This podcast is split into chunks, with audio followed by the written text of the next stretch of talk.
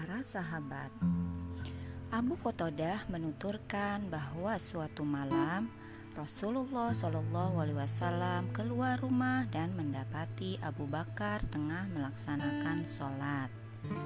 Suara bacaannya pelan sekali sehingga nyaris tidak terdengar.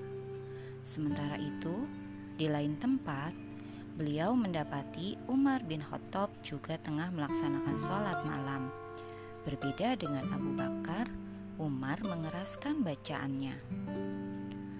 Ketika keduanya tengah berkumpul dalam suatu majelis, Rasulullah Shallallahu Alaihi Wasallam berkata kepada keduanya, "Wahai Abu Bakar, aku pernah melihatmu sholat malam dengan engkau merendahkan suaramu." Abu Bakar menjawab, "Ya Rasulullah, dengan begitu seakan-akan aku mendengar suara Dia yang kepadanya aku bermunajat."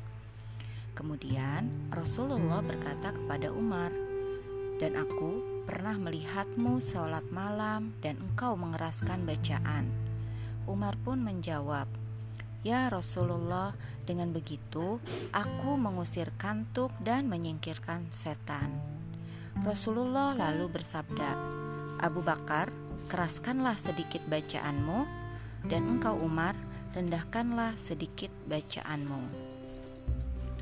Sumber dari Dr. Mustafa Murad, Kisah Hidup Abu Bakar Ashidik. Kisah ini saya baca dari buku Pintar Iman Islam, Jilid Ayah Bunda Bimbing Aku Pintar Sholat.